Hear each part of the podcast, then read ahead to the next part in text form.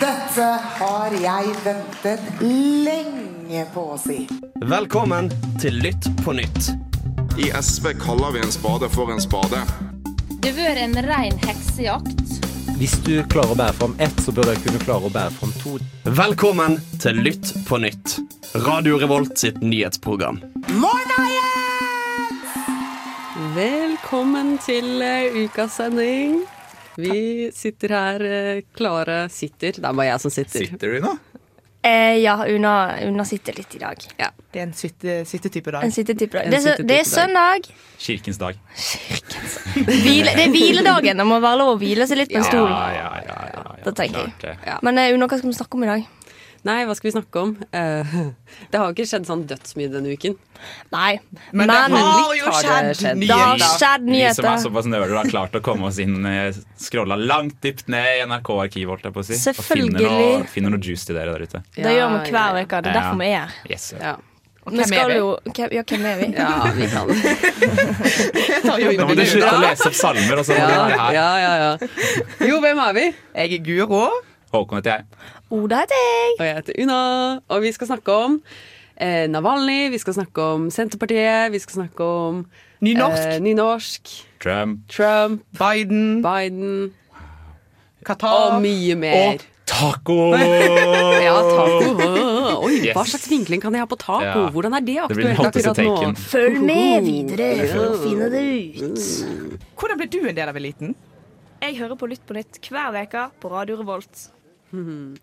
Vi skal eh, snakke om den nye lederen vi har fått på Samfunnet. Eller Han trår vel ikke inn før eh, 17. 17. mai, men ble valgt på onsdag. Fredrik Akre er vår nye leder. Han eh, jeg tror, jeg tror han blir en god leder. Han har veldig mye erfaring. Han har vært med i sykt mye på Samfunnet. Han har vært med i Uka, han er med i sikringskomiteen. Eh, han har vært med i Isfit. Eh, han har vært med i eh, Gjengsekretariatet. Han har vært med i alt. Er ikke det sånn du trenger å være for å bli leder på Jo. Samfunnet? Bare ha verv siden første Ja. semester Ja. i første klasse? Mm. Men, men alle kan jo stille. Altså Hvis jeg ikke hadde Ja, vært en del av sett. Ja, ja, Hvis jeg bare vært et eller annet random medlem som hadde lyst på litt billigere konsertbilletter, så kunne jo jeg Det er stilt. populistisk. eh, Vi skal ha gratis pils til alle på Samfunnet. Så blir det valgt med en gang. Nei, men det, jeg syns det er veldig spennende at uh, en faktisk hadde et ledervalg, og der en visste at den som ble valgt, er nødt til å takle en pandemi videre. Og at folk faktisk hadde lyst til det. Ja, og ikke bare en pandemi, men uh, en påbegynnende nybyggprosess. Vi skal jo både yeah. få et nytt bygg, vi skal begynne å bygge det bygget. Vi skal eh, snakke om endring i hele liksom, gjengstrukturen på hele samfunnet. Så han har jo en veldig viktig jobb eh, foran Mange viktige jobber. Og i tillegg Mm. med hele nyby- nybyggprosessen så er det kanskje den tøffeste perioden en går inn i nå. Fordi nå har han bestemt at det skjer. Mm. Eh, og så må du på en måte løse alle konflikter og alt som kommer ut av at det faktisk skjer.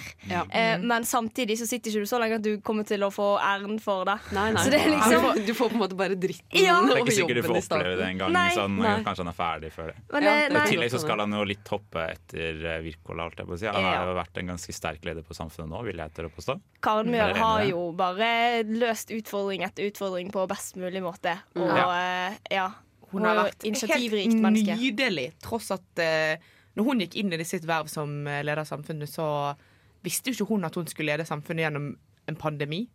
Mm. Eh, og hun har håndtert det skikkelig bra. Og den der storsalsduken storsalgsduken falt ned midt i sommer. Og Det er så det liksom- absurd. men, Metafor for hvordan bare Ja, hele den teltduken Det er en metafor for de hele det løste jo det og nylig solgte biter av den for Ja, å dekke. Det er jo Mm. genialt. Og vennespleisinga er jo bare å er lese i en dusken. Den, eh, Og du måneden. skriver på nynorsk! Jeg bare slenger det ut der. Ja, for Eh, det da, meg og Guro hadde jo likt henne uansett hva hun hadde gjort, fordi at hun skriver på nynorsk. og jeg er fra Hordaland. Jo, men også i tillegg bare at da hun har profilert seg på en veldig god måte og faktisk skrevet masse artikler i Dusken som er veldig gode, og eh, som i hvert fall under den verste pandemitiden folk fikk litt sånn motivasjon av, og på en måte ja, rett og slett vært en god leder da, utad. Virkelig. Det er viktig. Mm. Ja, for han, eh, han Fredrik har lyst til å ha et litt annet fokus, eller i hvert fall ha mer eh, politikk inn på samfunnet, på en måte. At samfunnet skal ta litt mer ståsted eh, politisk og ha flere eh, vedtekter eller resolus resolusjoner, som det heter. Eh, så han er litt opptatt av samfunnets eh, politiske profil. Da. Så det kan Sier jo han bli litt noe om spennende. hvilken, hvilken retning han ønsker, kanskje? Altså, det er ikke han som bestemmer det, men Nei. eh, er det noe han Nei, han har ikke sagt noe spesifikt på det. Mer sånn vi må være flinkere til å lytte på medlemmene og finne ut hva vi Ja, mener og sånn. Det kan jo det kan statsviterne i studio like. Det, Det kan bli spennende. Men det er òg spennende å gjøre samfunnet til eh, enda mer innvikla og byråkratisk. Når en, når en skal reformere samfunnet, så er det Ja. stor felle å gå i. Og det er at du gjør det enda mer kaotisk enn det allerede er. Ja, jeg syns det er vanskelig å forklare bare hvordan studentmediene, altså vår gjeng, en av alle gjengene på Samfunnet, fungerer til andre mennesker. Ja, ja. Fordi Som dette er nok kaotisk, liksom. Som en relativt nyopptatt uh, mann så kan jeg si at det er ikke bare bare å holde på med det der. Altså. Nei. Nei. Men hvis jeg ikke får kjøpe Jaffa-appelsiner på Samfunnet, så vil jeg ikke være på Samfunnet lenger. Så ja Sodastream og Jaffa-appelsiner skal jeg ha. Kampsak! Kampsak. Jeg tror du må bli av samfunnet der, for det her er jo viktige saker. Ja, men Jeg har ikke hatt verv siden første semester. Ah, nei, spolert alle dine sjanser. Har du vært med i til, da. Nei, det har jeg ikke. Har du vært med i uka? Ja, litt. Ja, men da er vi på god vei! Nei, Stem på meg i 2044. Men vi ønsker han her nye lykke til, da. Ja, gjør jeg tror han kan eh, gjøre en god jobb. Det blir jeg. spennende å følge med på hva han får til. Siste nytt, siste nytt. Du hører på Litt på nytt. Og vi skal snakke om Qatar. Ja. Jeg sa det litt for entusiastisk, merker det. Ja. Qatar! Det er vel mer Qatar. Ja, det er mer Qatar og sukke og Ja. uffe litt. Ja, fordi eh, det skal jo være Vi skal jo ha autoritære sportsnyheter, som er min favorittspalte, som jeg snikinnfører i Litt på nytt. Eh, hvor Qatar skal jo ha fotball-VM i 2022. Eh, og må da bygge alt fra scratch. Og for å få til å bygge alt fra scratch, så tar de inn veldig mange arbeidsinnvandrere fra veldig mye Sør-Asia, Sørøst-Asia. Eh, typ India, Nepal, sånne ting. Eh, og det kom en eh, artikkel i The Guardian forrige uke som sa at i løpet av de ti årene de har bygget nå, så har det dødd 6500 mennesker. Som det de mener er en direkte årsak eh, av den byggingen. Eh, men samtidig så skal fotball-VM rulle og gå. Og det er VM neste år. Og spørsmålet er vel om eh, Eller det har gått, pågått en liten debatt som har begynt litt nå, da. Om skal land boikotte dette VM-et pga. at det faktisk har dødd flere tusenvis av mennesker i byggingen av eh, VM-arenaene, da. Det samme hadde jo vi på Nå vet jeg ikke når sist friidrett-VM var. To år siden. Men det, da var det iallfall i Qatar da òg, på samme arena, bygget av slaver. Det, for det er jo det. Det er jo basically slavearbeidere. Mm, ja. De får kjempedårlig betalt, de har elendig arbeidsmiljø. Det er liksom altså, hvis du det er jo dør av arbeidet, så er det slavearbeid. Ja. Og en ekstra enda nesten like sjuk ting er at ingen av de eh, dødsfallene blir rapportert som arbeidsulykker. Det er, de dør av naturlige årsaker. Ja, det De er setter bare sånn en gruppe, så alle arbeidsinnvandrere fra India som dør i Qatar, de har dødd av naturlige årsaker. Så det fins tusenvis av folk Det som har fått er- hjerteinfarkt mens de Det Det er er, helt håpløst.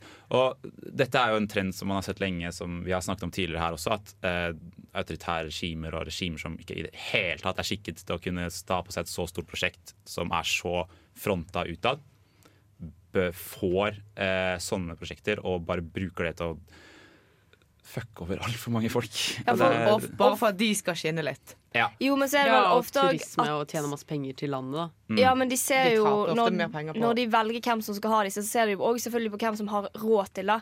Og Qatar har jo råd til det, men det De viser jo at de har ikke kapasitet som de- arbeidskraft. De har uh, også bestikka seg litt til å få Selvfølgelig her. Det, de det. FIFA, det har også blitt vist etterforskning etter hvert at Ja, for det, det er har vært en FIFA. klar Det er Fifa som deler Ja. ut det til dem, og Fifa er jo ikke akkurat den mest ryddige organisasjonen som finnes.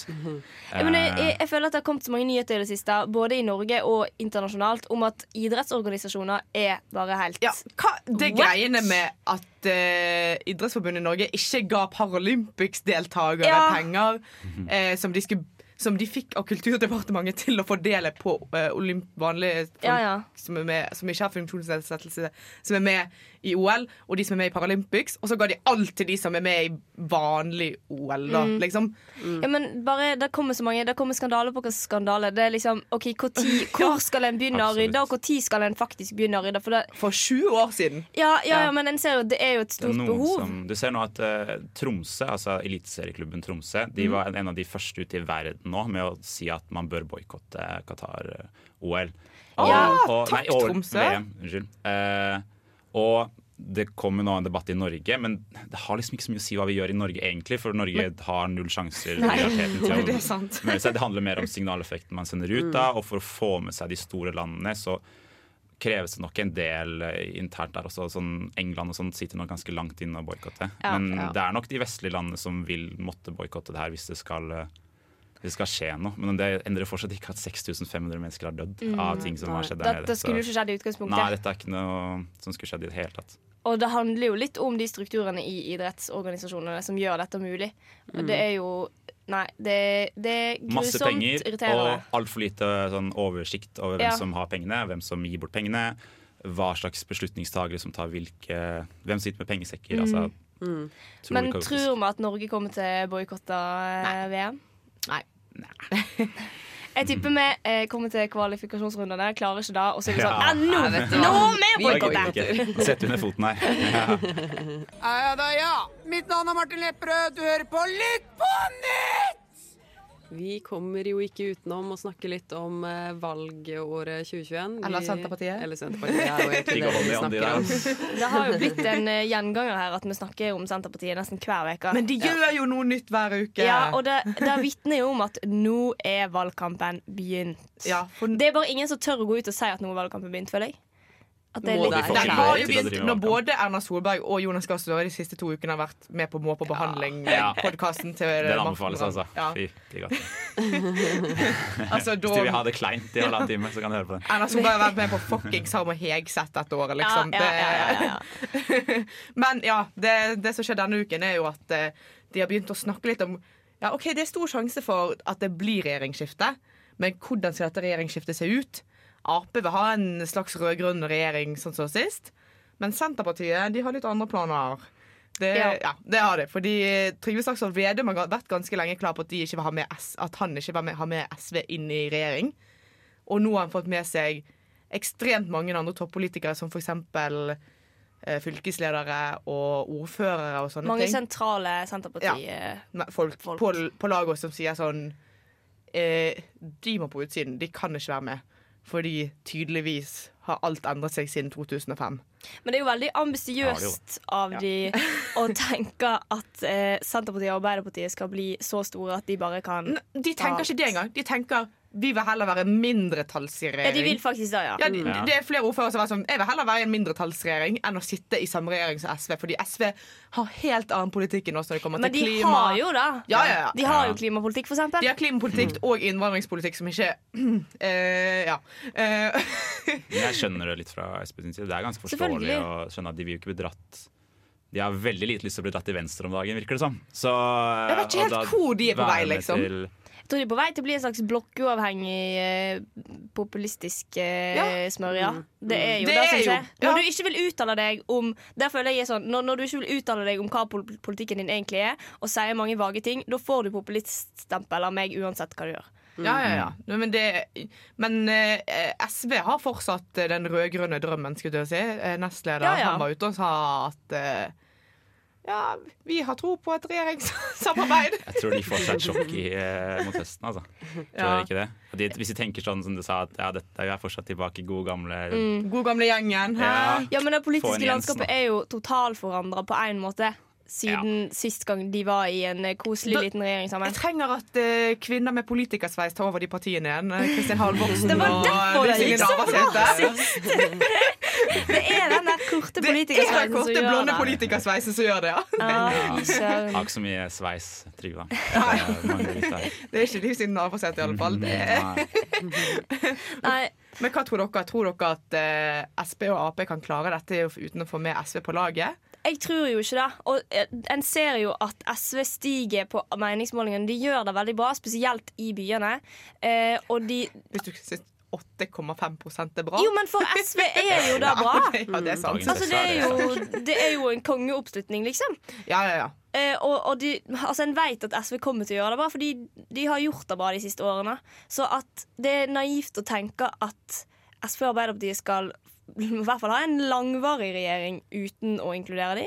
ja Men- og hvor skal de søke støtte hvis de ikke? Skal Ja, de det er søke- det. Da må de begynne å søke støtte fra Ja, KrF eller Frp, men Frp vil jo aldri støtte Arbeiderpartiet. Nei, det- det- det- Nei, men altså, At de får forsøker støtte i For jeg tror ikke SPV heller vil ha en sånn der eh, Venstre og KrF-samarbeid som de hadde i begynnelsen, før de faktisk ble med i regjering. Nei, nei. De, vil ha, de vil ha støtten til SV i de sakene hvor de kan være enige om at sentralisering suger, og at Mm. bønder bør få mer penger. Men Liksom. tror du ikke det der er en løsning? Jeg tror også SV, Hadde jeg vært SV nå, så hadde jeg vært litt sånn stressa for at jeg går en mindretalls... Eller eh, lite parti i regjeringssamarbeidfella, hvor du bare da du får mye av støyten. Du ser hvordan det går med Venstre nå. Ja.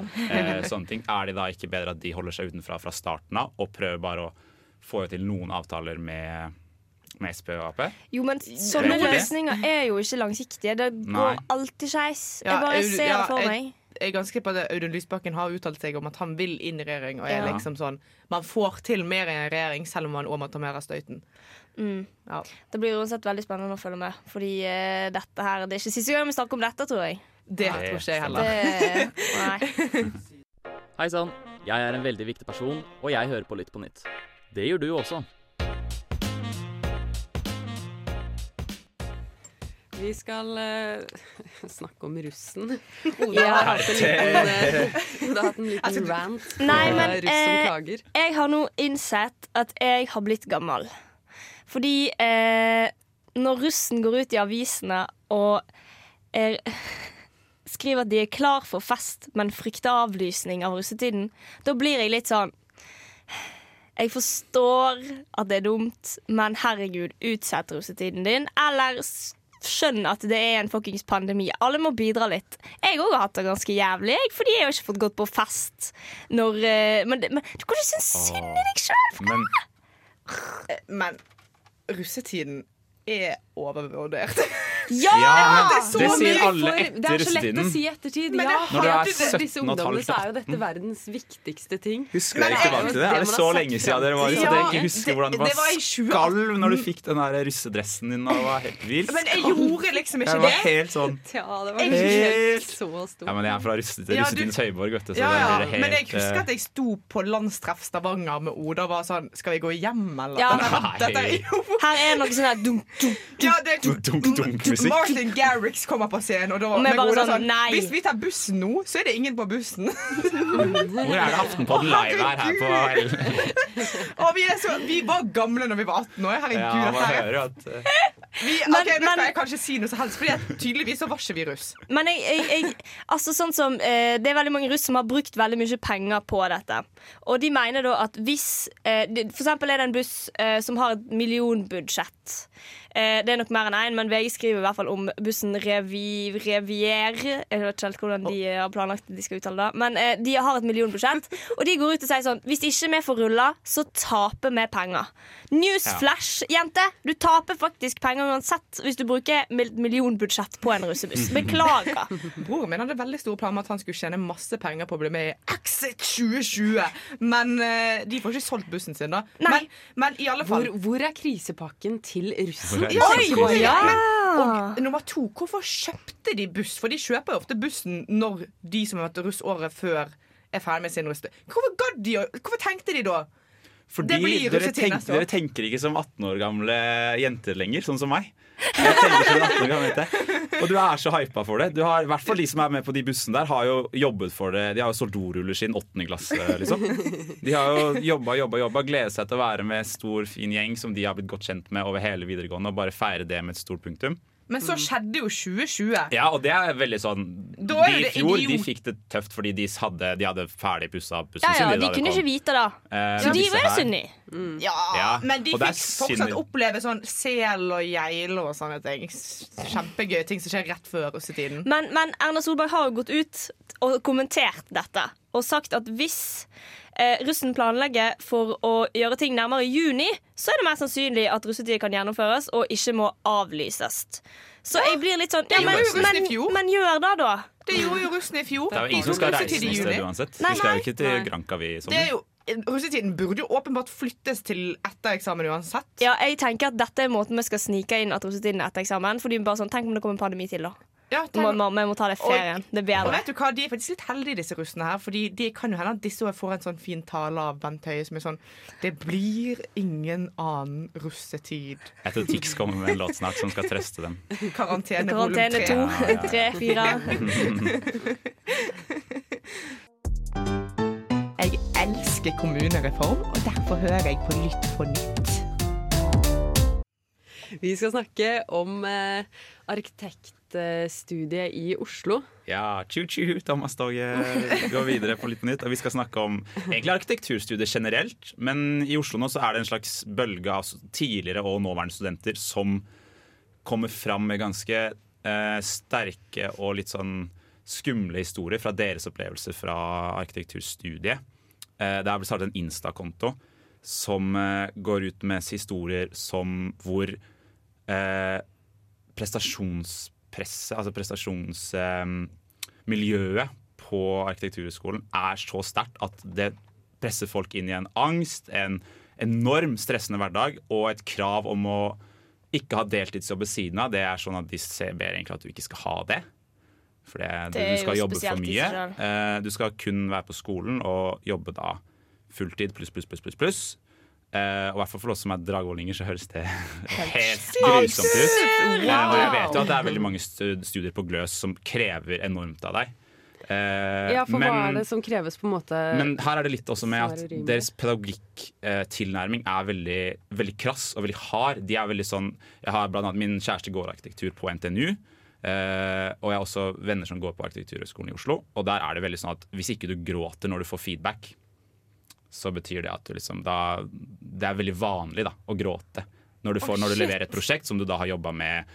Altså, må hun døgne stort sett hver eksamensperiode i mange, sykt. mange dager. Ikke fordi at hun ikke jobber hele dagen i tillegg, men fordi at det kreves for å bli ferdig. I hvert fall gjør det det for Men- henne, det er andre som klarer seg. Men altså Jeg får ha eh, liksom forelesningene Alle som foreleser i arkitektur i Norge, har på en måte bare blitt enige om at vi kjører denne Nei, men, pedagogiske men det er jo sikkert en kultur som har vært der lenge. sant? Så når du har gått på det studiet og opplevd det, så blir du foreleser, så, så tenker du sikkert at sånn skal det være. Det de sier er jo det, at når hun kom på studiet, så fikk de bare beskjed om at uh, dette her er sånn det er i jobbmiljøet ute.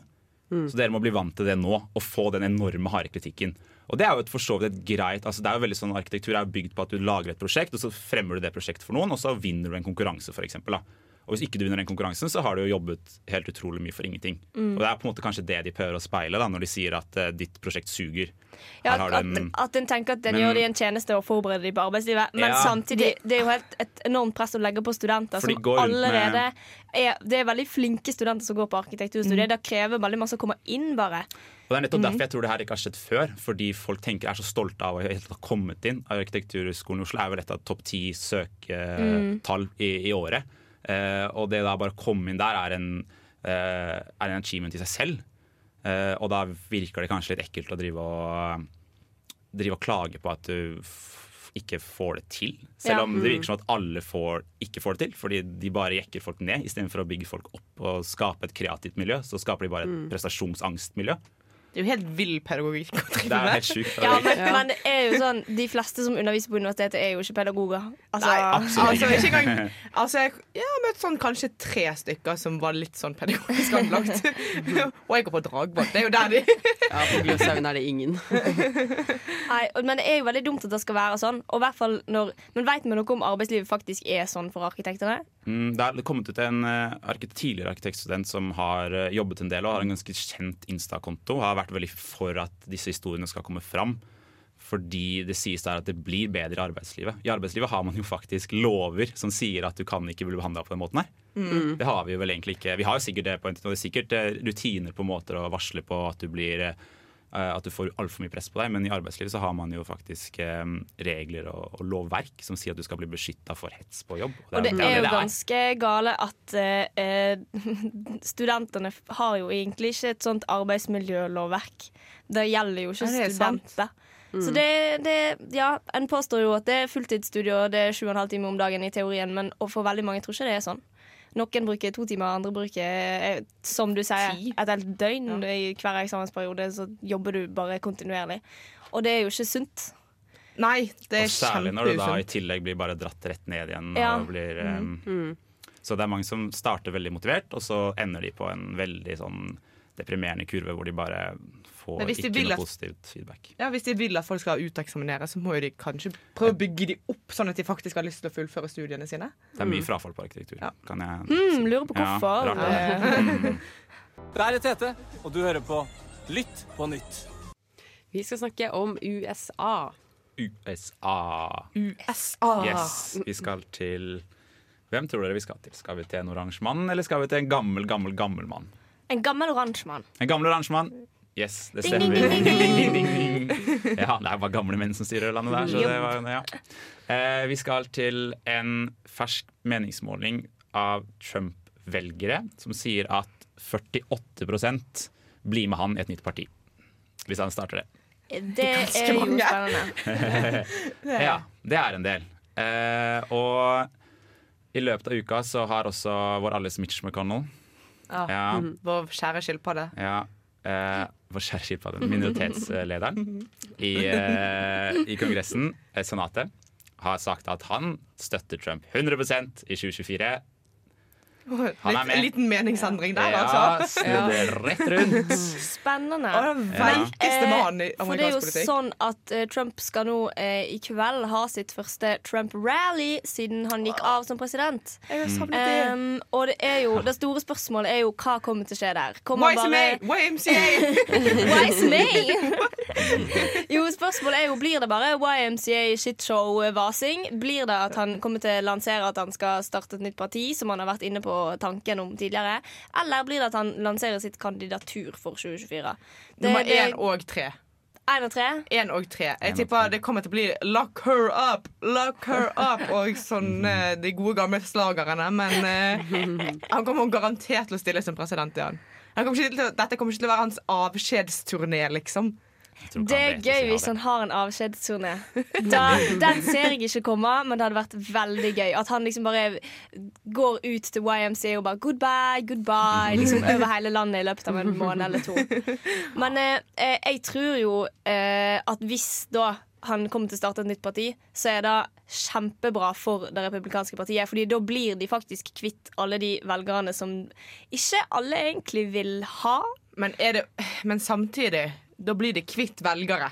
Ja. Det, det er jo ikke akkurat en Det er jo ikke god ting. positivt. De må jo på en måte bygge opp tilliten til velgerne, men da tror jeg de har lettere for å gjøre uten Trump enn med. Og akkurat nå så har de han med på laget, enten de vil eller ikke. Tror du ikke det kan skape litt splid blant det nye partiet og det gamle republikanske partiet? Selvfølgelig, At det det men blir veldig Det er jo en splid som allerede er der. Absolutt. absolutt. Eh, så jeg tror ikke det har så ekstremt mye hverken positiv eller negativ effekt om de bare formaliserer at de faktisk er en egen gruppe som eh, ikke lenger har noe med det republikanske partiet å gjøre. Fordi innad i det republikanske partiet så er jo Trump-tilhengerne ikke, ikke bare elska. Nei, men kan, sånn. eh, Romney sa eh, forleden dag at eh, han tror nå også av Mitt Romney, den, eh, han er kjent Trump-kritiker, eller så kjent Så Verdens- kritisk du kan være til Ja. Trump og fortsatt være med i det republikanske partiet. Han sa at han tror Trump kommer til å vinne i 2024. Hvis han stiller nå. I hvert fall nominasjonen i det republikanske valget. Det, jeg tviler ikke på det, jeg heller. Også. Så selv de aller største skeptikerne er jo på en måte Ikke så skeptisk. Nei, eller i hvert Ja, fall ser realiteten. da De ja. ser realiteten at det er jo det er Det er han vi har Han er en populær figur. Ja, Det- man kommer ikke unnom det. Men jeg tror jo òg at eh, nå på en måte i kjølvannet av at han har gått av som president, så må det jo Det blir jo ofte en sånn OK, evaluering, nå skal vi rydde opp. Hva har skjedd? Hva gikk bra? Hva gikk dårlig? Det er jo vanlig, på en måte. Men blir det det, tror du? Jeg, jeg Virker det sånn? tror på en måte at det blir det. Vi hadde hele denne riksrettssaken som på en måte var et, et slags forsøk på å starte en sånn prosess. Og så har jo Mitch McConnell gått ut og sagt at ja, nei, eh, dette må bli et sivilt søksmål. En må rydde opp. Eh, nå har han jo kanskje ombestemt seg litt eh, siste uke, virker det som. Men, men uansett, jeg tror at det er veldig mange folk der ute som er sånn Dette går ikke lenger. Det, en sliter jo med å drive et parti når det er så splitta som det, det republikanske partiet er nå. Eh, og det kommer ikke til å bli lettere eh, utover. Så det, det en- beste for alle er jo egentlig om man starter et nytt parti. Ja. Selv om det kanskje er usannsynlig. Jeg tror det er en del statsadvokater der ute, eller i hvert fall en del republikanere, som håper at det skal komme en statsadvokat og eh, sikte Trump for et eller Ja. annet. eh, og sørge for at han setter seg Og det, litt på det er jo nok av ting å sikte ham for. Absolutt. Og jeg tror at dess lenger eh, tiden går, dess flere ting kommer det egentlig til å bli å sikte ham for. Fordi allerede nå har det begynt å bli sånn småprat om at han har vært helt gal. Og folk som har jobba i uh, Det hvite hus, er litt sånn Ja, dette var ikke helt greit. Eh, Sånn småmurring. Uh, men det har ikke kommet noe sånn tydelig 'dette var krise', 'dette skulle ikke han gjort', på en måte. Men jeg, jeg tror vi kommer til å få se det. Hva gjør du på? Jeg hører på Lytt på nytt, vel? Fra en eh, hvit eh, mann i 70-årene, er det det de er? Til en annen. Ja, han her er jo nærmere 80-årene, kan vel si. Ja, han er vel- eh, for vi skal til Joe Biden. Eh, og eh, som eh, Jeg har litt lyst til å ta en liten sånn forventningsavklaring til Joe Biden her nå. Eh, fordi denne veka så har det skjedd noe som uh, Biden uh, Jeg føler at det definerer Biden litt, da. Og på en måte minner oss på at selv om han eh, nå virker, til nå har virket som en litt sånn progressiv og liberal fyr, eh, sammenligna med tidligere president, eh, så er han en veldig sånn vanlig hvit mann som er yrkespolitiker. Eh, og han har gjort noe som egentlig ikke er uventa, men jeg tror at det har vært litt sånn Oi! Dette har faktisk skjedd han er jo sånn som alle andre presidenter. Ja, Wow! fordi det som har skjedd, er at USA har gjennomført et luftangrep mot iranskstøttede krigere øst i Syria. Um, og var det uforventa? Nei, jeg er ikke overrasket, men skuffet. Ja, og det er minst eh, 22 Irak-støttede krigere som har blitt drept i angrepet, ifølge eh, eh, Syrian Observatory for Human Rights. Um, også eh, Flyangrepene de skjedde veldig nært grensen til Irak. Um, og Forsvarsdepartementet de, eh, i USA kaller operasjonen for en gjengjeldelse for et rakettangrep i Irak tidligere denne måneden. Um, Hvorfor, hvorfor driver USA og tar hevn på Syria på vegne av Irak? Det er sånn Det er så ja, det er jo mot på en måte Det er jo et far De skal jo skremme Irak litt, på en måte. Eh, Nei, som er. Ja, Ja. men, Men ja, men dette er sånn som de gjør. Det er jo- jeg føler meg tilbake tilbake og vi, til- Hvis vi går inn med militæret vårt og dreper folk, da blir de glad. For det har funka sjukt bra Ja. for tiden. Ja, det Dette er en suksessoppskrift. suksessoppskrift. Ja. Jo, men det vitner om at Joe Biden er en av de folkene som på en måte har vært politiker lenge, tror at dette faktisk funker, eh, ikke skjønner at Kanskje IS ikke hadde blitt så stort hvis USA hadde holdt seg litt unna, for eksempel. Men det, det er litt eh, det du sier med de forventningene til, til Biden. Du har den fløyen av det, det demokratiske partiet som er representert av eh, Bernie Sanders og AOC. AOC, eh, som åpenbart hadde forventninger om at Joe Biden skulle være deres mann. Mm. Eh, og denne uka her så har i tillegg også gitt bort minimums, hva heter det, minstelønna i eh, USA på 15 dollar. Det forsvant plutselig litt ut av vinduet. Mm. Er han egentlig bare en hvit gammel mann? Eller er, Jo, det begynner man å skjønne det litt? For han er jo bare en hvit gammel mann. Men det har vi jo visst. Han er jo bare en vanlig amerikansk Ja, Ja, men det, men du ser det bare i kontrast til han Ja, andre det. Man glemmer mannen. Og da, Ja. ja. Ikke sånn, så litt sånn som de her memene som gikk rundt sånn der eh, eh, Sånn her, Å, kan jeg få rettigheter? Sier republikanerne nei. Så sier demokratene nei. Hashtag BLM og så et prideflagg bak, liksom. Ja. Mm, ja. Det, det er vel eh, litt den linja en legger seg på, kanskje.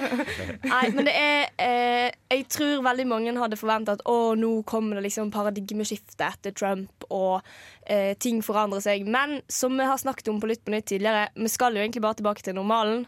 Ja. Og dette er jo normalen. Normale er jo invasjoner. Ja. Men når det er sagt, så er det jo Det er bedre enn alternativet. Ja, ja, Det ja. er det, ja. Men det er litt det, da. Du blir jo, da blir det Du, du tar, tar til gode med noe som kanskje ikke er Perfekt. det som man egentlig trenger. da Fordi at alternativet er verre. For alternativet er bare The lesser of two evils. Ja. Ja. Ja. Det er jo egentlig det som har skjedd. Mm. Nei, jeg, eh, jeg, eh, jeg Jeg tror at det kommer til å fortsette i denne banen. Jeg skjønner ikke hva som kan skje for at Joe Biden plutselig bare sånn mm, Ja, nei. Jeg er, jeg er en del av den liberale fløyen i, eh, i eh, Det demokratiske partiet. Han kommer ikke til å ombestemme seg. Han er jo Det er jo på en måte bare Obama-politikken 2.0 på én Mm. måte, bortsett fra at det er en hvit, hvit gammel mann som Og da er det litt Ja. mindre imponerende. Han er ikke like morsom å se på Jimmy Fallon og sånn. som, Obama. Jeg er Fredrik Solvang, og du hører på Radio Revolt. Vi skal eh, snakke Nå holdt jeg på å si at vi skal snakke om Sør-Amerika, men eh, vi skal ikke snakke om hele kontinentet, da. Nei, vi skal Men vi snakke skal om bevege oss eh, bevege oss mot Chile. Fordi at det er mer enn 100 kvinner i Chile som har eh, blitt er mer, De tror at det er minst 112 kvinner som har blitt gravide eh, mens de har gått på p-piller, fordi at p-pillene var eh, de funker ikke. De var falske. Eh, og disse p-pillene har jo blitt uh, sendt ut av myndighetene. Det er jo på en måte en resept en har fått av eh, myndighetene og helsevesenet og alt sånt her. Um, og så er det jo ikke lov å ta abort i Chile. Eh, med mindre du har blitt voldtatt, og om eh, livet ditt er i fare, eller fosteret ikke kan overleve utenfor livmoret. Og de fleste av disse kvinnene er i 20-årene og er friske, og det er ikke noe galt eh, med fosteret, eller sånne ting, så de har ikke mulighet til å ta abort. Så I tillegg så har produsenten sendt ut eh, en advarsel om at pillene ikke fungerer. Um, men det har kommet så masse koronainformasjon fra helsemyndighetene, så den informasjonen har ikke nådd ut til folk. Eh, så de er i en ganske dårlig situasjon, disse kvinnene.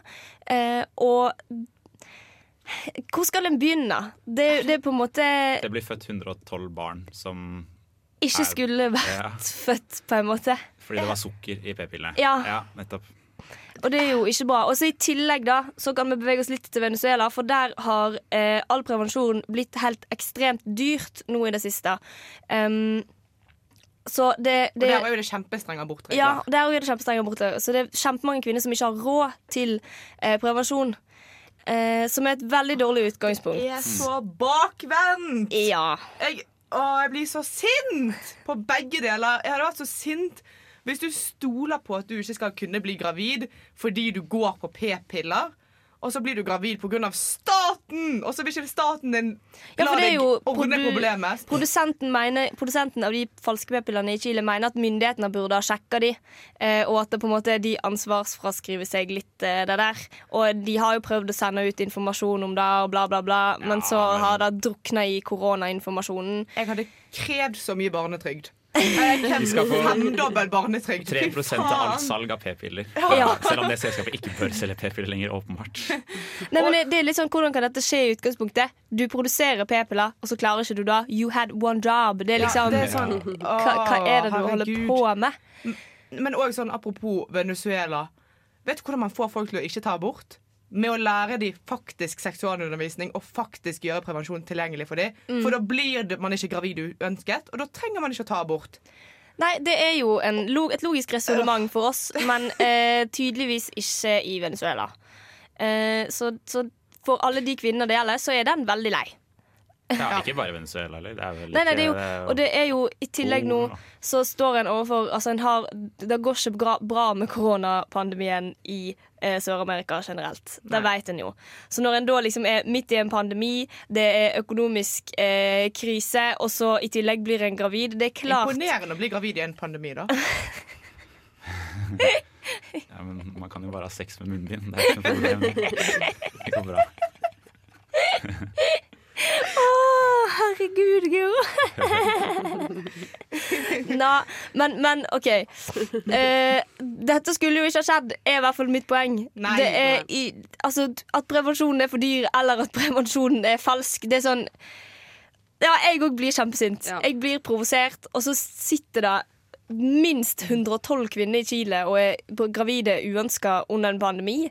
Altså, det, De har kanskje mistet jobben sin. ja, altså Kanskje ikke de hadde jo i utgangspunktet. Det er liksom Kanskje de er studenter.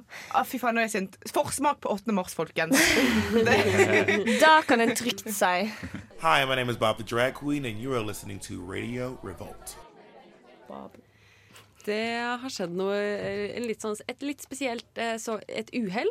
Eh, Litt feil link Si har blitt eh, sendt. eh. Fortell hva som har skjedd, Guro. Ja, vi skal tilbake til Senterpartiet. Det. Yay! For der har det skjedd et lite uhell. Det var en, en, en, en politiker, stortingsrepresentant for Sp, som skulle bare koselig delta i en liten sånn debatt på Facebook, som man gjør, eh, om kjøtt og kjøttforbruk, og så skulle hun være litt sånn Gruppa heter vel eh, noe Hva var det den heter da? Ikke et mindre kjøtt, eller et eller annet? Ja, Høres ut som en Høres ikke SP-gruppe. toxic ut i det hele tatt. Sikkert kjempebra stemning der inne. med, hvor hun i alle fall skulle dele en artikkel som eh, ja, Det sto i alle fall noe om at eh, veganere og vegetarianere har dårligere psykisk helse fordi vi ikke spiser kjøtt. Eh, mi, eh, men problemet var at hun eh, Heidi Greni, dame på 50, i 50-årene, vil jeg gjette på, ikke kanskje har lært kildekritikk på skolen sånn som vi gjorde. Nei. Fordi hun klarte, å, hun klarte med et uhell å dele en nettsak fra den nordiske motstandsbevegelsen sin nettside. Som er, er Det er jo en nynazistisk gruppe i Skandinavia. Ja. Eh, de Nettopp, ja. de syns vi skal være litt kildekritiske mot. At det er på en måte et minstekrav for kildekritikk. Ikke del nynazistiske ting. Ja, Ja. fordi jeg tenker liksom der, Jeg føler vi kan legge listen på nynazisme, liksom. Der, Nei, nå syns jeg det Nei, nei, nei. nei, nei. Altså, der bør vi klare altså, på ny, Kan være altså, de har god gravejournalistikk, da. Hvem veit? Frihet.no. Frihet.nett, faktisk. Frihet.nett. Hvis dere kommer over frihet.nett, kjære lyttere, ikke ta det som står der for god fisk. Det er nynazistisk innhold. Nå vet dere det. Eh, men hun har iallfall måttet beklage seg og sagt at hun er imot nazisme, homohets og rasisme. Ja, det er jo fint. Ja, det er fint. Men da trodde jeg på en måte alle var. problemet er, for meg er bare at hun har delt det i utgangspunktet. Og det Ja. liksom betyr at hun har vært inne på en nynazistisk nettside, uansett om hun visste det eller ikke. Og selv om det ikke var den nazistiske delen av nynazisme, så syns jeg fortsatt at det, det er problematisk. Er det ikke litt problematisk? Jeg tenker at hun egentlig ikke visste at det var en Ja, det er problematisk, Og det er jo litt eh, Ja, jeg rart tror ikke hun er. Det nazist. skal du vite, syns Ja. jeg. For jeg tror ikke hun er nazist, men det er problematisk for meg at hun har vært inne på en nynazistisk nettside og ikke innsett at dette er nettsiden til den nynazistiske gruppen. Den største nynazistiske gruppen i, i Skandinavia. Men eh, fordi hun mente i ettertid hun sagt sånn Nei, nei, jeg skulle dele en Dagsavisen-artikkel. Ja, men du klarer å lese forskjell på Dagsavisen og frihet.net? Ja, fordi for meg er det Det, det gir ikke mening hvordan hva, Hvordan har har det på, skjedd? Har du ikke på lesebriller? Ja. Ja, Og hvorfor har hun hatt, har hatt de to artiklene oppe og så vært sånn Ja, en av de skal jeg dele. Mm, jeg tror det blir Dagsavisen, fordi den andre Den er på en måte litt nynazistisk. Eh, så da tror jeg det blir Dagsavisen. Og så har hun delt feil. Er det det som har skjedd? Hvorfor har hun hatt Jeg skjønner de to? ikke hvordan feil har skjedd. Hun har sikkert bare hatt en insane bra gruppechat med Trygve. Og, og, og, så det bare, bare plinga inn så mye. Så hun bare ops. Det ble litt mange linker. Ja, det ble litt sånn wow, ja. Jo, men du men- sendte meg en Resett-link før i dag, Oda, så ting uhell kan skje. Jo, men det var med vilje. Ok. Jeg vil du skulle lese den Det var politisk budskap. ja. Nei, men poenget mitt er at uh, det blir et problem når våre folkevalgte ikke er kildekritiske. Ja. Uh, og det er jo Ja, nei, jeg syns ikke noe om det. De trenger å gå på kurs. Virkelig. Ja. Du hører på Lytt på nytt på Radio Revolt. Vi må ta en liten innsjekk på hvordan det går med Navalnyj borte i Russland. Han er jo eh, nå den største ja, jeg skulle til å si motstander, men han er jo ikke lenger en politisk motstander. Han er jo i fengsel. Men eh, aktivist da, eh, mot eh, Putin. Eh, han ble jo forgiftet eh, i høst. Mm. Eh, så fikk han dom. Eh, beting nei, først var, det, ja, først var det betinget dom, som nå har blitt til eh, to år, to og et halvt år i fengsel. Som nå har blitt bare vanlig fengsel. sendt til en fangeleir. Ja. En arbeidsleir, faktisk. Mm. Altså sånn à la de i Kina, liksom. Arbeidsleir, Det vet vi ingenting om. konsentrasjonsleir, gula. I Sibir, langt ute i Sibir sikkert, eller noe Jeg tror det er veldig lite informasjon om hvordan levekårene er på russiske arbeidsleirer. Jeg bare slenger det Mm. ut der. Jeg mistenker det. Jeg vet ikke om det er sant, men jeg tror det ikke er så gøy å være der. Jeg bare ser for meg sånn sovjetisk 80-tall, sånn skummel film fra USA om Sovjetunionen i 80-tallet. Det ser for meg at det er en sånn type Kommunistpropaganda. Ja, Jo. Antikommunistpropaganda. Ja, ja. Men eh, ja, fordi altså, han fikk en dom som, ble, som var betinget, så ble han ubetinget fordi han var i koma i Berlin. Fordi han ikke kunne møte opp. altså fordi han var i koma. Fordi han var forgiftet av myndighetene. Ja. Ja. Nei, nei, han var ikke forgifta av myndighetene. Nei, fordi Putin har jo sagt at eh, hvis han hadde vært forgifta av myndighetene, så hadde de fått det til. Ja. Han var død. Men en fan av myndighetene. Ja, Mest mest sannsynlig. Skal ikke spekulere i hvem han er forgifta men vi skal jo spekulere i hvem fra var Russland. Det, det var en person fra Russland. Det tror jeg òg. Nei, men eh, eh, fordi han er jo er ikke han dømt for noe sånn økonomisk eh, svindelopplegg eller et eller annet? driver med økokrim. Han gjør jo ikke det, men det er jo på en måte Putins taktikk for å få ned alle som jobber litt imot han. Det er jo bare sånn Nei, du har juksa på skatten, og så derfor må du sitte inne tilfeldigvis valgåret. Og litt sånn Ja, og det er litt ironisk i og med at han kritiserer alle de ledende russiske statsmennene for å drive med Ja. korrupsjon. Mm. Det, Ja. det er ikke helt heldig. Nei. Men eh, hva tror vi? Har Navalny det bra? Nei. Tror ikke han har det så bra. Tror ikke han kommer til å ha det så bra Jeg de tror han årene sykehuset i. Berlin. Han visste vel hva han gikk til da han dro tilbake? Han visste jo at han kom til å bli Ja. Ja, Men han driver jo folkene hans driver jo fremdeles med aktivisme, så Ja. ja. Bevegelsen fortsetter. Forhåpentligvis så gir Det er jo, litt eh, det er jo bra at uh, han på en måte blir en sånn eh, frontfigur. Ja. Kan ingenting, vet ingenting. Skam De bryr seg ikke om folk i det hele tatt. Bare Nå må du ta deg en svær konspirasjonsbolle her. Fy faen, her er det klassisk vannmelon. Grønn utenpå, rød inni. Og stråmennene dine kan du ta med deg bak loven. Nå er det duket for kommentarfeltkonkurransen. I dag er det Håkon som skal eh, lese opp eh, noen kommentarer. Skal vi prøve å gjette hvilken sak de hører til? Yeah, I'm back. I'm back, I'm back, I'm back I'm in the back. kommentarfelt konkurranse. Yes, det var så stor suksess forrige uke, så nå er jeg tilbake. Hvor skal vi, damer? Hvilken Jeg gjetta TV 2. Ja, vi skal til TV 2 i dag. Den var trygg. Jeg gikk rett inn på TV 2 og fant helt, nesten seriøst den andre tredje saken av det Ja. der, og der var en gullgruve.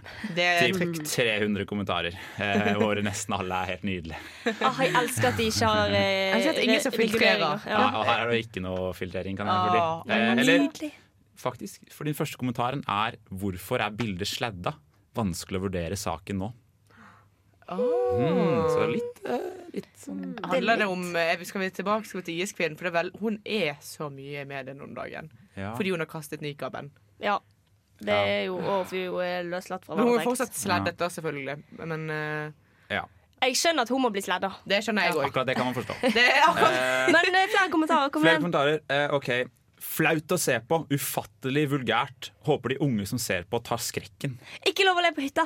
Ah, det hadde vært noe. Det, det, Det hadde vært det, noe. Naked Attraction. Oh. Ja, nå begynner vi å være litt i um, Naked Attraction kommer til Norge. Med Tuva Ja. Fellmann. Med Tuva Fellmann. Men eh, det tror jeg kan bli litt kult. Men eh, veldig spesielt. Helt jævlig. Det høres ut som noen andre tvinger meg til å se på. Ja.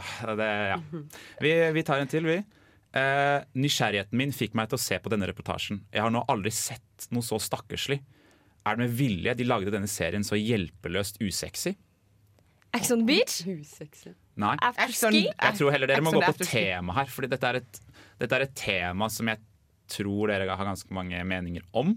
Som handler om litt sånn sladding. Det er mange som syns det er utrolig usexy. Og så er det noen Skal vi se om jeg finner en eh, Sladding som vi Er det en Er det som- typ sånn kroppshår eller eh, Ja, vi skal nok til kroppen, ja. Vi skal det. Uh, jeg kan ta en til, da. Uh, hun var ikke akkurat dis- diskré. Der har hun noe å lære. Noe som er viktig å være. Oh, det var Åh, um, um, men det er en gammel sak da at Sofie Elise har lagt ut bilder av nipplene sine. Så var hun sånn Hvis dette blir sletta, så legger jeg bare ut med eh, utklipp av mannlige nipler over.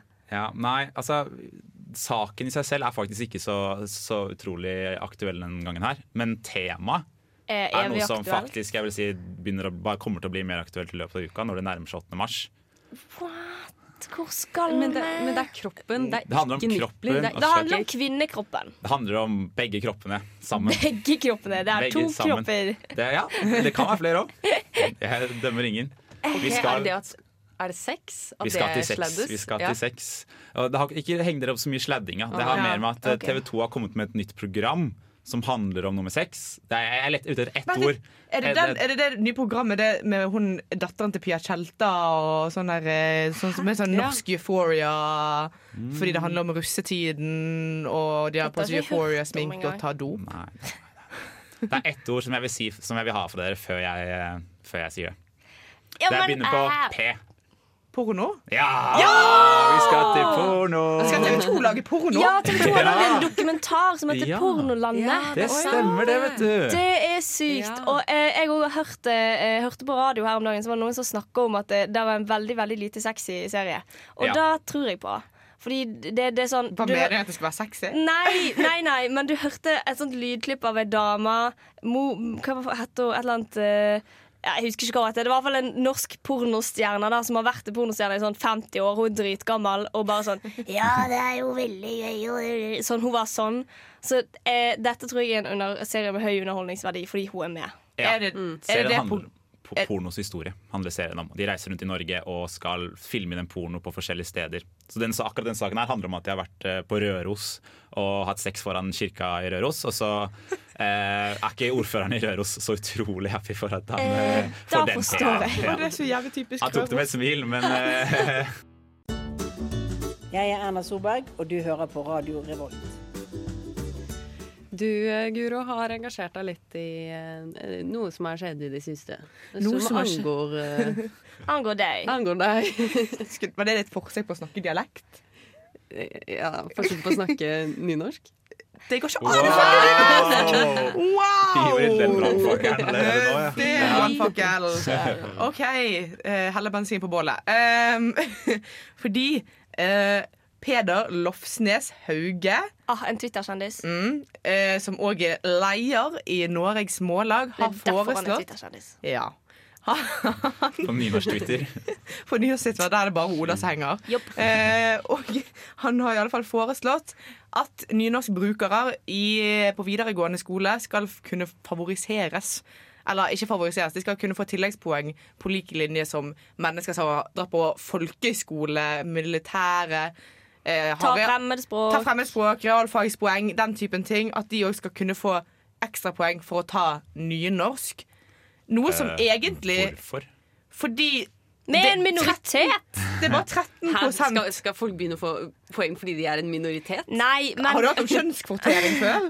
Har du, har du hørt Ja. om folk som prøver å motivere folk til å ta realfag, og derfor gir de Jo. poeng for å ta realfag før? Liksom? Men jeg tenker at dette er et kjempegodt insentiv for eh, den lille gruppa mennesker som f.eks. bytter fra nynorsk til bokmål på videregående. Og det er veldig mange Det var meg. For eksempel, Guro, hvis du hadde visst at OK, jeg kan faktisk eh, få et ekstrapoeng ut av å bruke nynorsk videre, så, så holdt dette på er jo et megainsentiv for de, og en mister veldig mange nynorskbrukere i overgangen ungdomsskole videregående. Mm. Så det er på en måte en gruppe som en prøver å eh, motivere da, til å faktisk bruke nynorsk. Så jeg tror det vil ha en positiv effekt for at en øker antallet nynorskbrukere. ja, og 13% av de som eh, går på skole, får 0,5 poeng ekstra i studiepoeng. Jeg tror ikke det påvirker alle de 77 andre bokmålsbrukerne så mye at det blir urettferdig behandling og sånne ting. For Nei, motsatt så kan jo bare bokmålsbrukere gå over til nynorsk. Ja, det er jo kjempefint. Det er jo, Det er jo ja. kjempe Det er jo helt nydelig. Altså, fordi det er jo Nynorsken er jo undertrykt. Og er i faresonen for å dø ut. Det er Og- ikke greit. Men hva tenker du? Østlending? Ja, hei. Eh, heter Håkon. Eh, nei, altså. Jeg ser jo poengene deres. Dere har jo gode poeng. Jeg bare ser for meg at det sitter utrolig mange i, i min side av landet nå og spynorsk! Ja, spynorsk. Eh, Mordbok. Jeg var jo en del av den videregående gruppa som er veldig Veldig lei av nynorsk og veldig sliten av nynorsk. Ja, men dere trenger jo ikke Det ta har jo mer ingenting med deg å gjøre. Man skal bare få en fordel, eller at det er lettere Ja. for de som Å, er det er bare vestlendinger på jussen fra nå, liksom. Nei da, altså. Nei. Jeg er enig i det. det. Det høres ut som et godt tiltak, men um, Spørsmålet er om jeg kommer ikke til å endre synet mitt på nynorsk. Det er ikke målet heller. Men spørsmålet er om det vil bli en negativ effekt som gjør at uh, nynorskbrukere får en urettferdig fordel overfor alle andre. Nei. Og at uh, Nei, nei. Men da kan man jo si at folk som har tatt uh, fremmedspråk da, et ekstra år, de får ja. også ekstrapoeng. Og Men er ikke tanken bak det at de regner da med at du tar det for at du skal få en dårligere karakter? Altså at Insentivet til å ta eh, type realfagspoeng er jo at de fleste får en dårligere karakter i Ja, man- realfag enn de gjør i Nei, nei, Nei, derfor, det er for altså, å det- få flere til å velge realfag. Ja, OK. Ja, Ja, for det er jo de som gjør det bra i realfag òg. Det- som nynorsk. Ja. Selv om jeg var en treer i R-matte, så var ikke det alle som var det, liksom. I Nei, nei, klassen nei, men snittkarakteren i R, R2 er jo sånn to eller noe sånt. Ja, ja, men, jo- men grunnen til at en får tilleggspoeng, er ikke fordi at folk gjør det dårligere i det faget. Det er jo for at en vil motivere folk til å velge de fagene. Og ja, men litt av grunnen til det er jo fordi at de ville vil ikke tatt de fagene ellers fordi de får dårligere karakter. Men hadde ikke folk dratt på folkeskole hvis ikke de fikk Altså, det er jo for å motivere folk til å dra i militæret på folkeskole og ta og bli faktisk god i fransk eller sånne ting, liksom. Ja. Eller bli faktisk god i nynorsk, så jeg ikke mener er en dum idé. Jeg syns det er en veldig god idé, men jeg har på følelsen av at det ikke kommer til å skje. Ikke med denne regjeringen. Ikke med noen regjering. Hva, hva, jeg bare Nei. Nå skal jeg til å si Senterpartiet. Senterpartiet. Ja, men de har jo Men de Det er jo- kanskje det eneste gode de kan utrette. Jo, men jeg føler ikke at de har en sterk er nynorsk eh, profil. De, er, de snakker veldig de- lite om det. Nei, fordi jeg glemmer at det er bønder på hele landet, og ikke bare på Vestlandet. Og bønder på Østlandet Faktisk er de største bøndene eh, på Østlandet og da nynorsk på Innlandet på Toten. det. Da tror jeg ikke det blir så veldig godt mottatt. I nei. Nei. Eh, men man kan jo håpe. Ja.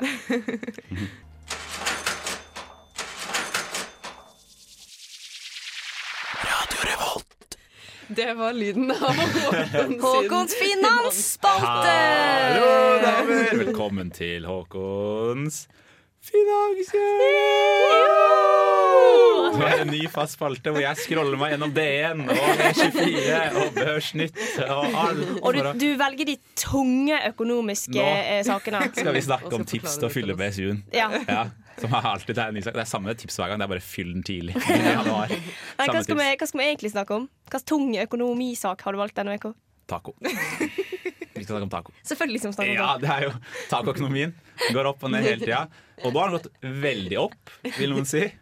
Tacosalget har økt med 250 millioner kroner Wow! siden mars i fjor. Har folk liksom Ja. gått for både tacotirsdag og tacofredag fordi de syns litt synd på seg sjøl i en pandemi? Nei, men Vi har utvikla en teori her på bakrommet, mm. Håkon. Og det er jo at eh, Siden folk pleier å gå ut og spise på fredager, men så har alle restauranter vært stengt, så da blir det ta flere tacofredager eh, i snitt. Og det tror jeg du har helt rett i, fordi eh, omsetningen under den første nedstengingen, da, Mm. som vi hadde tall på her, er eh, på restauranter. Så omsetning til restauranter i mars i fjor, den gikk ned med 77,8 Det er mye. eh, Og det har jo fortsatt, vi vet jo at det er sli restauranter sliter nå. Ja. også. Restaurant og uteliv eh, har Ja. det vondt. Mm, Ja. Og da har det tacobransjen det bra. Ja, og Le Paso og Santa Maria tjener Ja, masse ja, ja. penger, i det minste. Jo, men eh, det er jo, eh, taco eh, er jo en norsk kulturinstitusjon. Absolutt. Eh, Så jeg syns det er bra at den blir styrka under en pandemi.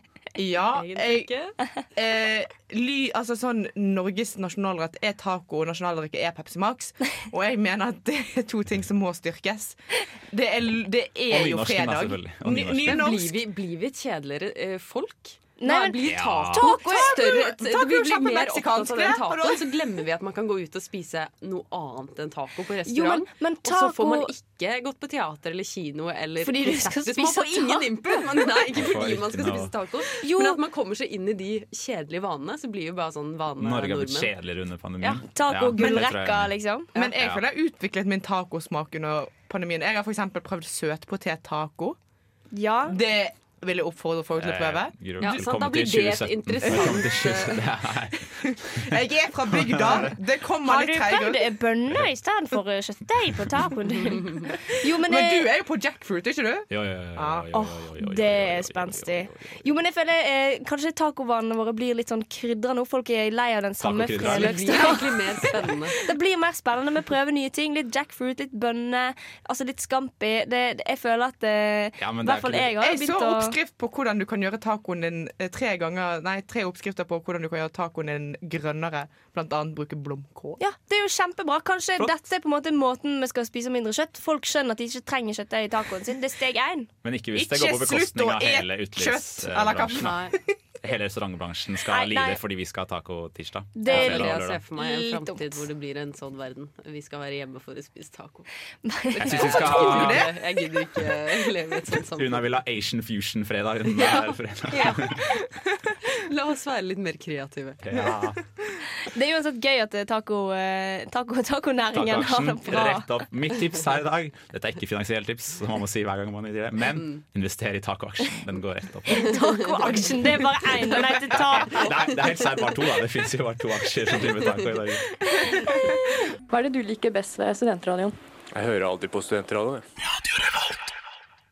Vi skal snakke litt om uh, vår kjære lokalavis uh, Adresseavisa. Ja, fordi uh, det, det ser en jo i kommentar, Dette ser en veldig ofte i kommentarfeltene til Adresseavisa på Facebook. Eh, at eh, trøndere klager over at alle de viktige F.eks. koronainformasjonen som Adressa kommer med, det er bak betalingsmur.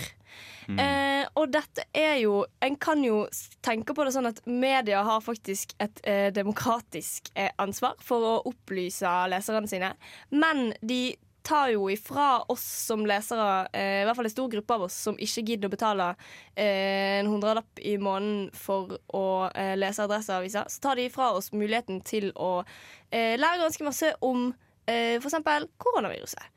Eh, og jeg syns egentlig at det er litt problematisk. Ja. Eh, Og jeg vil jo tro at det kanskje er spesielt studenter som ikke gidder å abonnere på Adresseavisa, så da blir jo de ekskludert i den informasjonsflyten.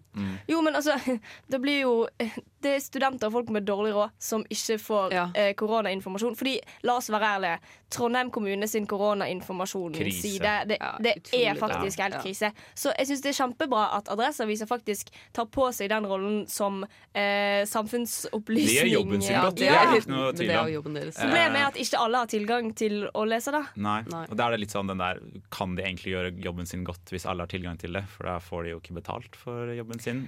Eh, men man er jo helt enig i det at man sitter og kommer noen nye restriksjoner eller noe nytt, og så går man inn på adressa, og så må man enten se at det er en plussak, eller lete noe grusomt. Man skal ikke måtte lete hardt etter korona, eh, gjeldende koronaregler. Nei, nei, og så er ikke det bare gjeldende koronaregler. Det er jo også sånn eh, På denne restauranten var det fire koronatilfeller Mm. på torsdag. Og så vet ikke du Mm. hvilken restaurant, fordi det står ikke. Du må betale for å finne ut. Mm. Og, det er ikke så lett å finne ut uten at, Nei. å se det i Og, og ofte er media raskere ut eh, I hvert fall uh, virker det ofte sånn at media er raskere ut med den typen informasjon enn Mm. smittevernkontoret rekker og ringer til alle som har vært på den restauranten den dagen. Mm. Eh, Noe som egentlig gir mening, for det tar ganske lang tid for smittevernkontoret å drive og spore folk og ringe de opp og styre på. Eh, så jeg syns det er et problem. Ja, og så er det jo mye mer vanlig, og i hvert fall for oss her i studio, at man sjekker jo nettaviser veldig mye mer ofte. enn Man sjekker trondheimkommune.no eh, slash koronaforskrifter. Ja. Eh, Så å få det rett inn der hadde jo vært eh, mest nyttig for oss, tenker jeg. Det hadde vært nyttig for alle. Bortsett Eller så altså- kan bare NTNU kjøpe adressa til alle som er på Ja. campus. Ja, det det kunne de jo gjort. Altså, de, de betaler jo allerede for BT-abonnement, Aftenposten, Dagens, Dagens Næringsliv.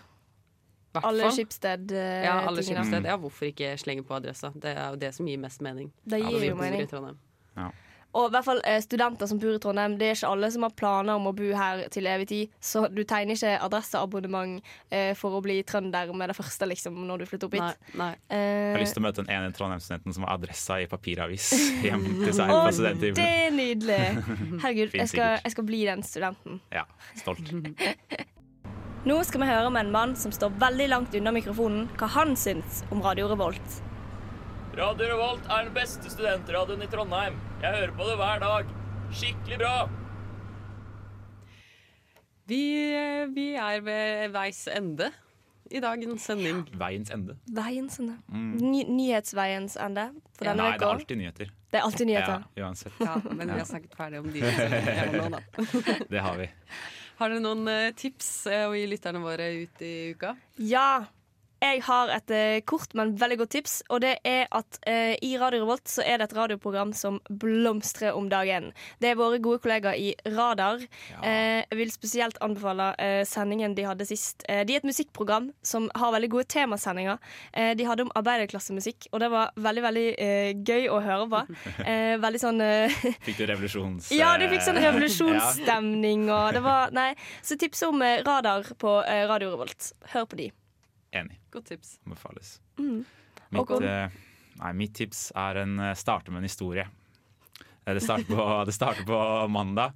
Jeg hadde hatt en tung mandag, faktisk. Det, man, jeg var sliten. Jeg hadde vært på Dragvoll. Eh, Jeg skulle hjem, eh, og så skulle jeg handle på Rema. Og min foretrukne Rema er Rema 1000 Rosenborg. Og da må jeg faktisk busse. Og det er litt skamfullt å busse til butikken. Ja. Så jeg går inn på bussen, eh, og så kommer det masse folk uten munnbind inn på bussen. Ja, det Og da gjemmer jeg meg et hjørne nærmest, eh, nærmest døra. Så står jeg der og så scroller jeg litt og gjør som man gjør på bussen, og så åpner døra seg. Der står det en fin dame i gul vest. En Nokas-vakt som er billettkontrollør. Og dere har begynt å kjenne meg litt, og dere vet at jeg er en veldig snill og grei fyr, så jeg har alltid billett på bussen, bortsett fra en og en halv uke i februar 2021, hvor jeg glemte å kjøpe det. Ja, har- men det er veldig fort gjort. ja, jeg har seksmånedersbillett, mm. og den seksmånedersbilletten har gått- gikk ut for halvannen uke siden. Eh, og det kosta meg 950 kroner på mandag. ah, det er Ja. Eh, den er veldig vond, uh, og det var veldig vondt. det, det, det var en ordentlig knekk. Uh, men jeg fikk handla, jeg fikk gjort det jeg skulle, og så kom jeg hjem og så setter jeg på mitt tips for dagen, nemlig ikke lov å le på hytta. Alle har sikkert sett det, eller de fleste har sett det nå. Det er jo utrolig gøy. Det er Mats Hansens Mm. eh, eh, kreative hjerne som har fått frie tøyler, virker det som. Ja, det kan virke sånn, hvor han bare samler en gjeng veldig morsomme folk på hytta, og de får ikke lov til å le. Det er ikke verre enn det, og slett. Det Og de er- har sånn flere runder der det er sånn OK, runden eh, Det er ikke lov å le fra nå i eh, 60 minutter. Mm. Og de holder jo på å sprekke til tre minutter, for det er jo, det er jo dødsmorsomme folk der. Ja, Vi har allerede vært litt inne på både det programmet og Vegard Trygdestad i løpet av dagen. Jeg skal ikke si noe om programmet, bare at uh, følg med på han. Han, uh, Han er Kanskje Norges morsomste akkurat nå, syns jeg i hvert fall. ja. Eh, Og han har en veldig eh, absurd form for humor. Veldig, Mm, som treffer meg litt for godt. Så det gjorde dagen min mye bedre, da. Så jeg fikk en fin dag eh, til slutt. Så tipset er hvis du blir tatt i billettkontroll, Ja. se på Ikke lov å le på hytta. Absolutt. Det er veldig spesifikt tips. Håper ingen der ute trenger det tipset, men hvis du gjør det, så er det det i hvert fall. Det gjør det, får en bedre dag i hvert fall av å se på Ja, det. absolutt. Det gjør man. Una, har du noen tips? Nei, jeg klarer ikke, jeg klarer ikke å komme på noe i dag. ass. Jeg, Er du litt sliten i dag, Una? Er litt sliten i dag. ja. Hodet funker ikke helt sånn som det Kan jeg komme skal. med et tips til deg? Ja. Søvn. Ja, det er et godt tips. Ja. Jeg skal ta det. Søvn, Ta det mat, vann Tur i skogen. Oi! Wow. Ja, men eh, eh, eh, jeg tenker at det er egentlig et godt tips. Jeg. Sove litt.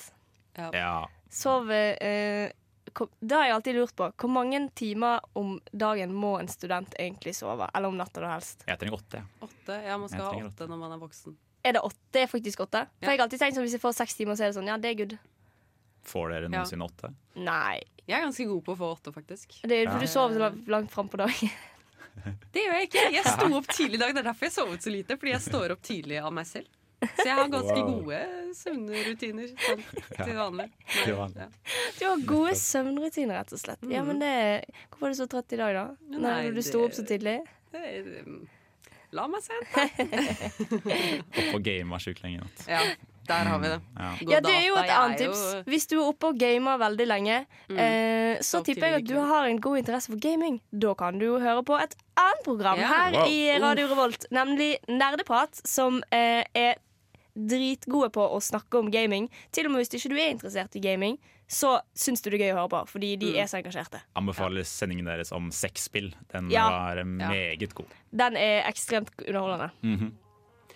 Da takker vi for i dag. Takk for at du hørte på. Håper du syns sendingen var eh, givende.